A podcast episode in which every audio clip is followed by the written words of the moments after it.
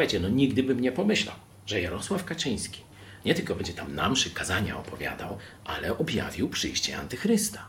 Bo powiedział dwa dni temu, że czyste, wcielone zło pojawiło się w człowieku na ziemi. Przecież jak sprawdzicie w Biblii, to jest dokładnie opis antychrysta. No a teraz poważnie. Oczywiście Jarosław opowiada kucypały, byle tylko nie trafić, e, być może do więzienia nawet po przegranych wyborach. Ale ty pomyśl o tym, że rzeczywiście coś takiego jak wcielone zło istnieje i stara się, wiesz o co? O to, żebyś ty nie był gotowy na powrót Jezusa Chrystusa. Jarosław chce cię ku antychrystowi, czystemu złu kierować. A ja mówię, przygotuj się na powrót Jezusa.